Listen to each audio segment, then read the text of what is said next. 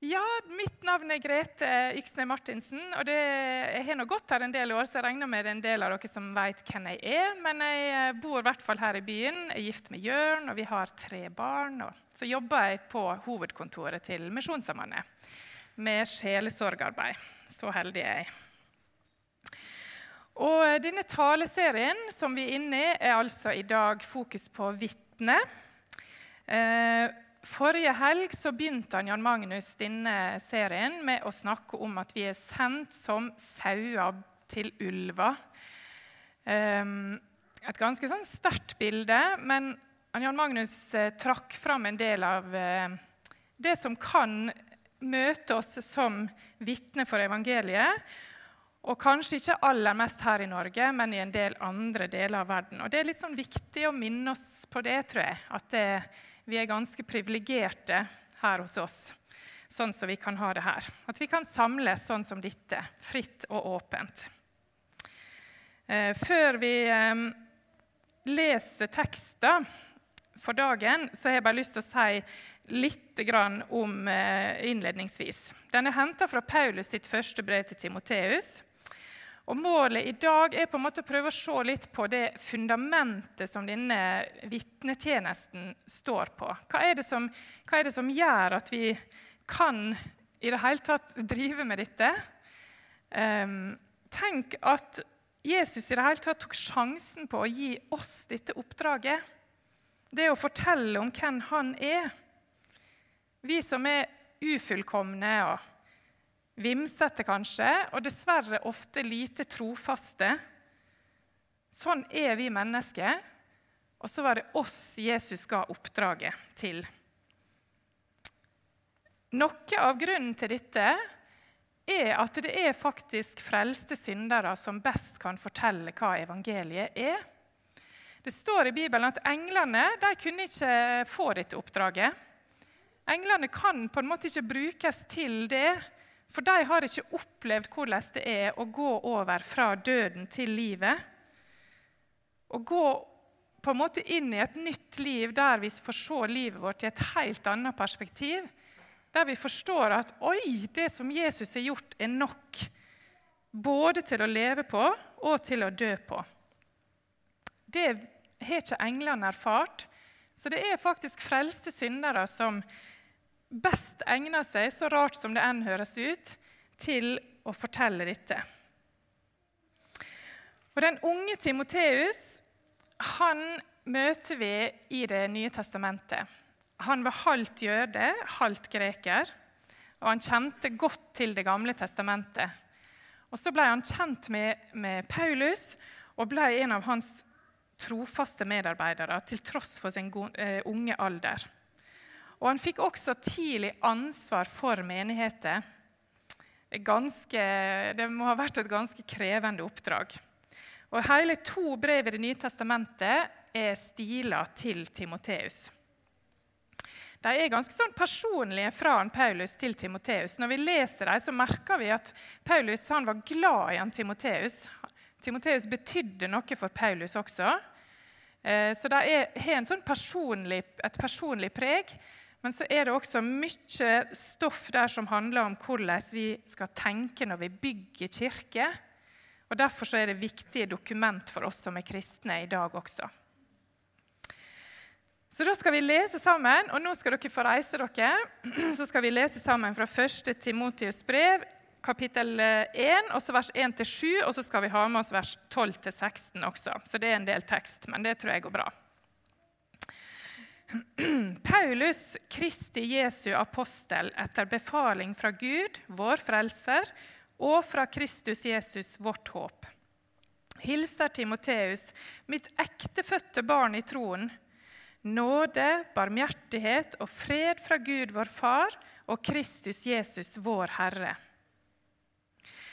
Da jeg dro til Makedonia, ba jeg deg bli igjen i Efesos, så du kunne forby enkelte å komme med en annen lære, eller være opptatt av myter og endeløse slektstavler. For slikt fører bare til spekulasjoner og tjener ikke Guds frelsesplan, der det dreier seg om tro. Men målet for ditt oppdrag er kjærlighet av et rent hjerte, av en god samvittighet og av en oppriktig tro. Noen har forvillet seg bort fra dette og havnet i tomt snakk. De vil være lovlærere, men forstår verken det de selv sier, eller det de uttaler seg så selvsikkert om.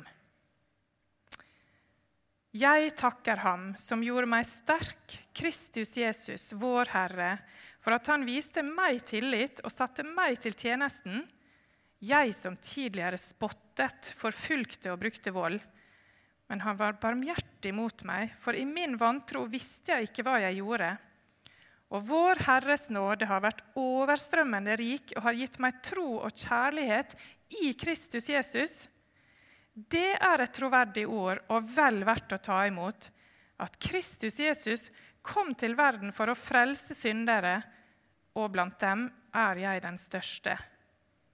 Men når jeg fikk barmhjertighet, var det for at Kristus Jesus skulle vise hele sin tålmodighet på meg, som den første, til et forbilde for dem som senere skulle komme, til tro på ham og få evig liv.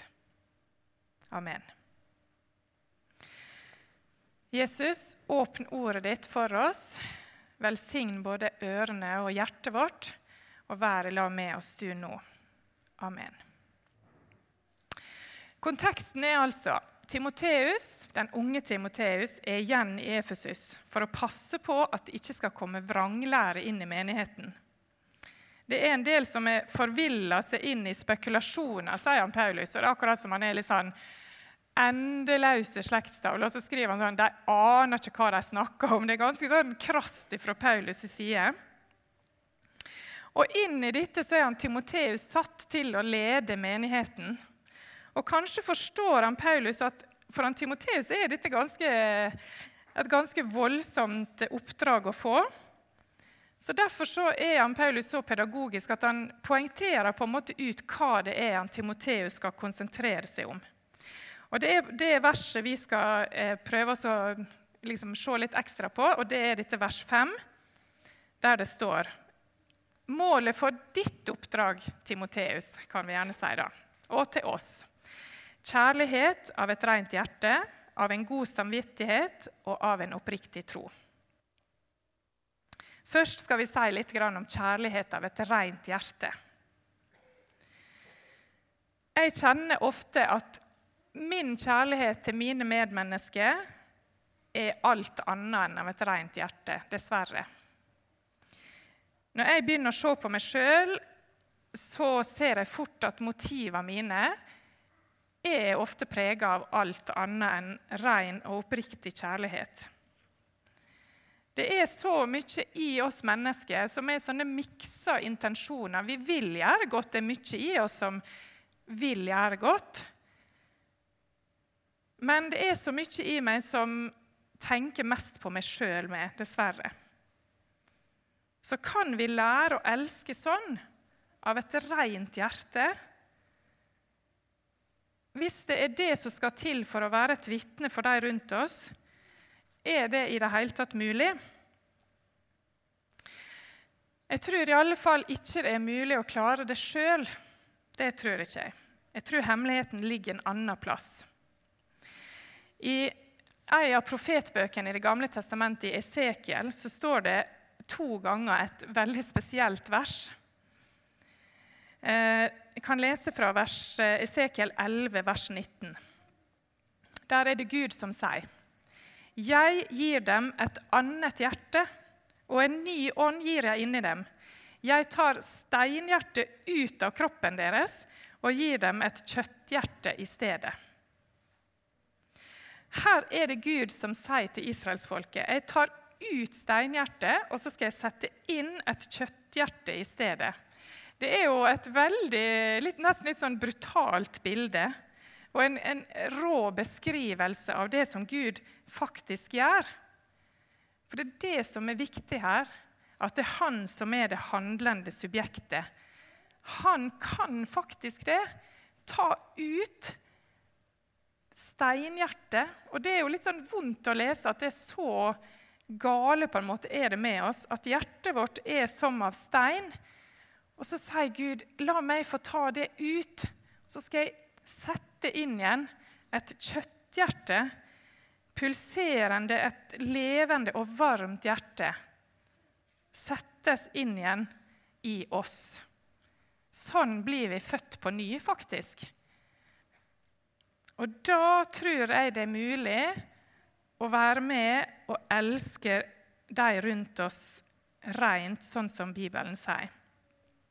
Fordi Drivkrafta i dette er ikke at vi skal klare det sjøl. Hvis vi driver og jobber og jobber og prøver det sjøl, så klarer ikke vi det. Men med Guds hjelp så kan vi faktisk klare å sette oss sjøl til side og elske de mennesker vi er satt iblant. Så tenker du kanskje ja, det er ikke det jeg kjenner mest på. altså. Sånn boblende kjærlighet til de rundt meg. Men da har jeg lyst til å si at da må vi begynne hos Jesus, for han gir oss det vi trenger for å klare det. Denne doble naturen vår, det at vi er den, Vi bærer med oss det gamle mennesket. Det er aldri sånn så lenge vi er her, at vi greier helt å bli kvitt det. Og Det skal ikke bli en sånn unnskyldning ja, men da er ikke det vits å prøve. Det vi skal prøve med, er å gå til Jesus med det. Fokusere på Jesus, gå til han med det som er vanskelig.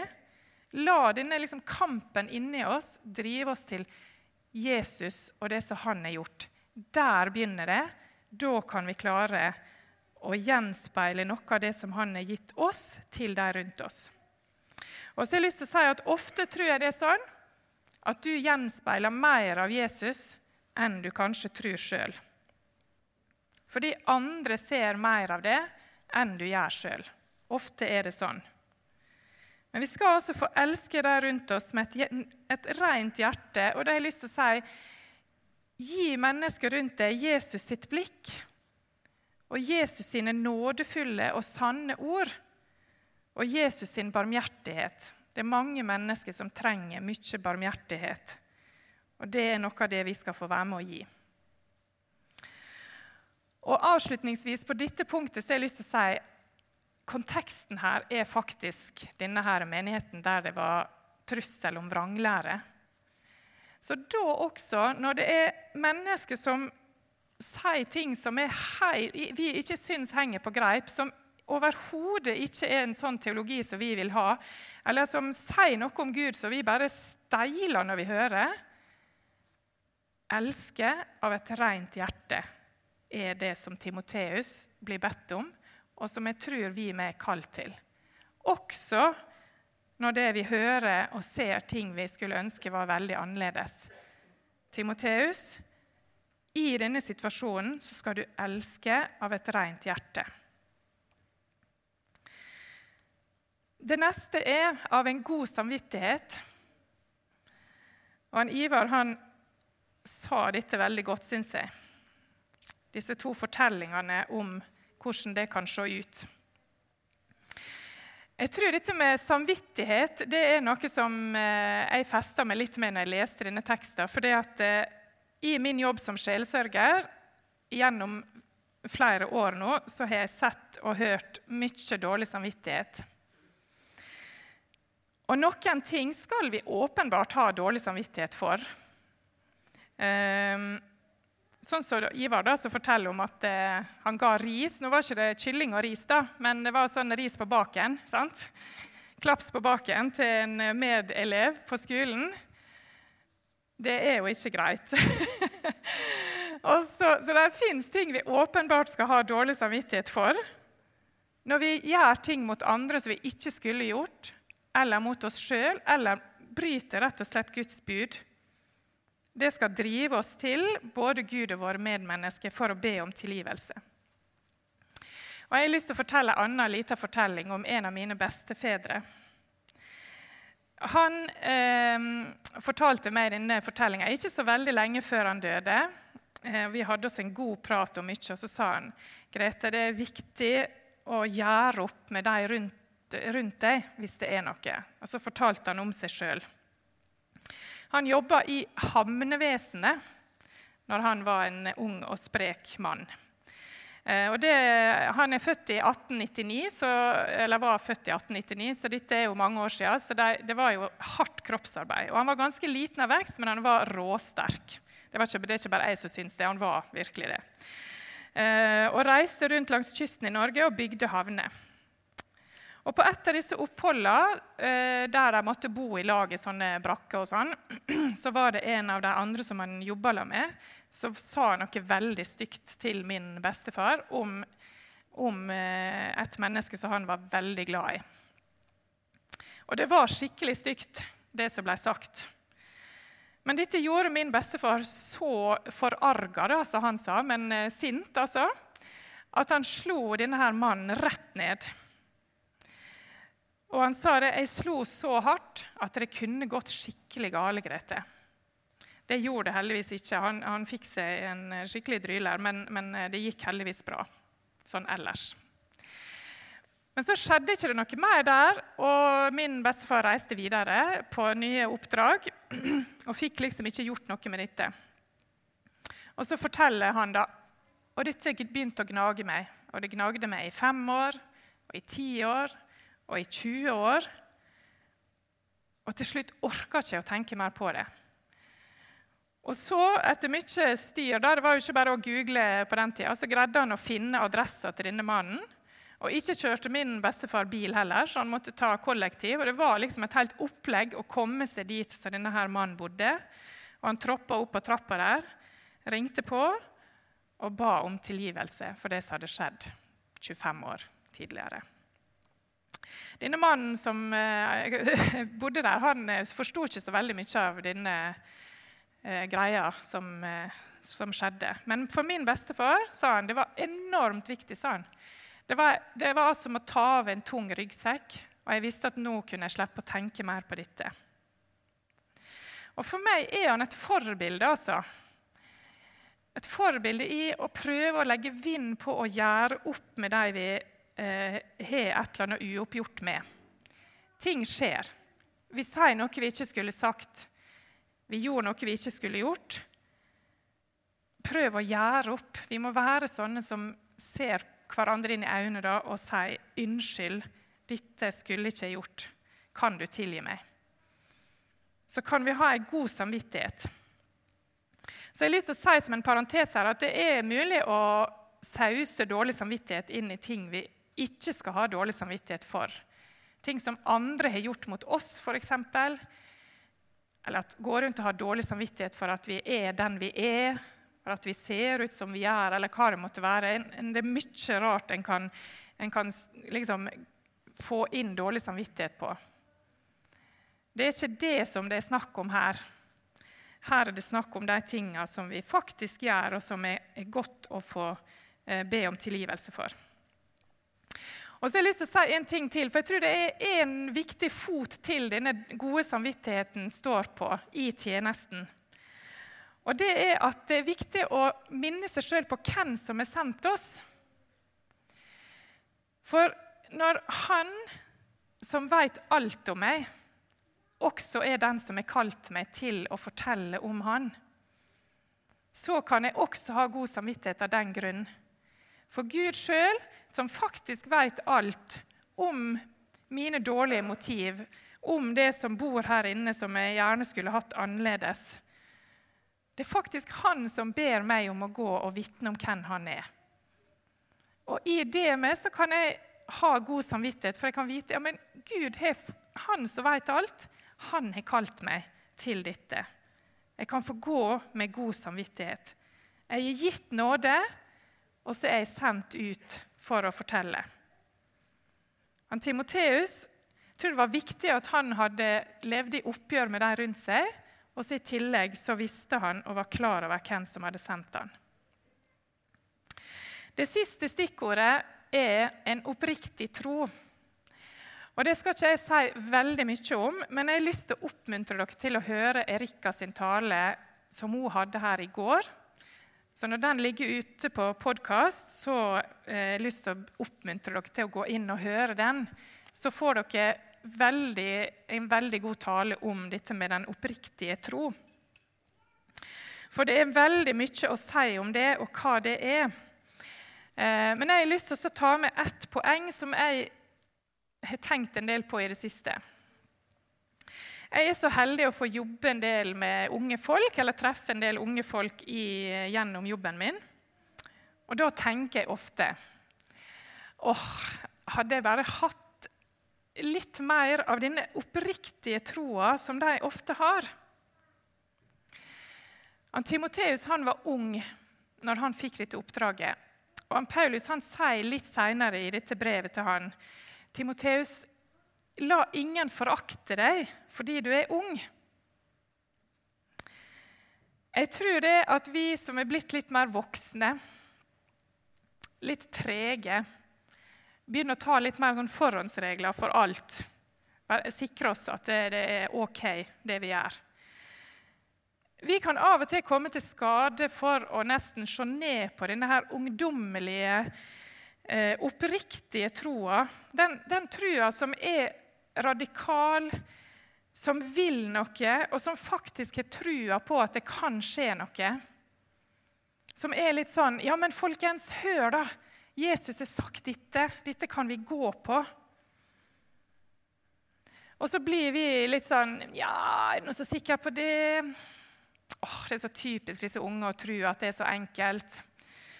Ja, ja, de erfarer vel snart at eh, de får seg vel snart en midt på fleisen, de med.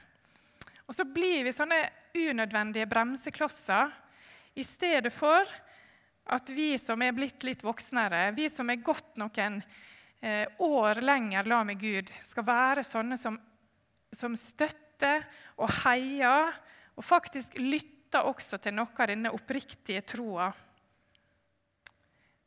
Jeg tror Gud vil noe med alle aldre. Han har skapt oss slik at vi vokser og har sånne ulike faser i livet vårt. Og Da tror jeg det er sånn at han vil noe med alle disse fasene. Og jeg har lyst til at vi, skal, vi som er litt gamlere, skal øve oss på å lytte også til denne oppriktige, unge tro som vil noe, og som peker på ting som kanskje vi har glemt. Han vil noe med det også. Og så skal vi være med og støtte. Og så tror jeg også at vi skal, opp, at vi skal be om å få tent den oppriktige troa igjen i oss, vi som er blitt litt tregere. Målet for oppdraget kjærlighet av et rent hjerte, av en god, en god samvittighet og en oppriktig tro. Og Helt avslutningsvis så har jeg bare lyst til at vi skal ta med oss disse siste versene som vi leste i stad. For, liksom for å understreke foran Timoteus Og jeg syns det er noe vakkert med at han Paulus tar med disse versene inn i dette. Han understreker foran Timoteus Husk, Timoteus, hvem jeg var jeg som var en forfølger og en som, som eh, drep, Han drepte jo kristne, forfulgte, ante ikke hva jeg gjorde. Husk det, Timoteus, at jeg var en sånn, og jeg har blitt brukt av Gud. Det er en sånn trøst i det, syns jeg, til han, eh, Timoteus. Så jeg har lyst til at vi skal lese disse eh, siste versene som en avslutning og som en oppmuntring til oss alle. Han Paulus sier, 'Jeg takker Ham som gjorde meg sterk, Kristus Jesus, vår Herre, for at Han viste meg tillit og satte meg til tjenesten.' Jeg som tidligere spottet, forfulgte og brukte vold. Men han var barmhjertig mot meg, for i min vantro visste jeg ikke hva jeg gjorde. Og vår Herres nåde har vært overstrømmende rik og har gitt meg tro og kjærlighet i Kristus Jesus. Det er et troverdig ord og vel verdt å ta imot. At Kristus Jesus kom til verden for å frelse syndere, og blant dem er jeg den største.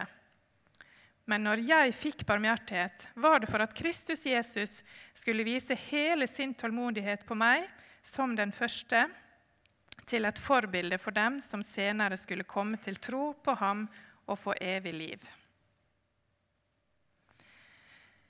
Jesus La dette få vokse i oss. Kjærlighet av et rent hjerte, god samvittighet og oppriktig tro Jesus. Og hjelp oss på denne måten til å vitne for våre medmennesker og de du sender oss til. I ditt navn. Amen.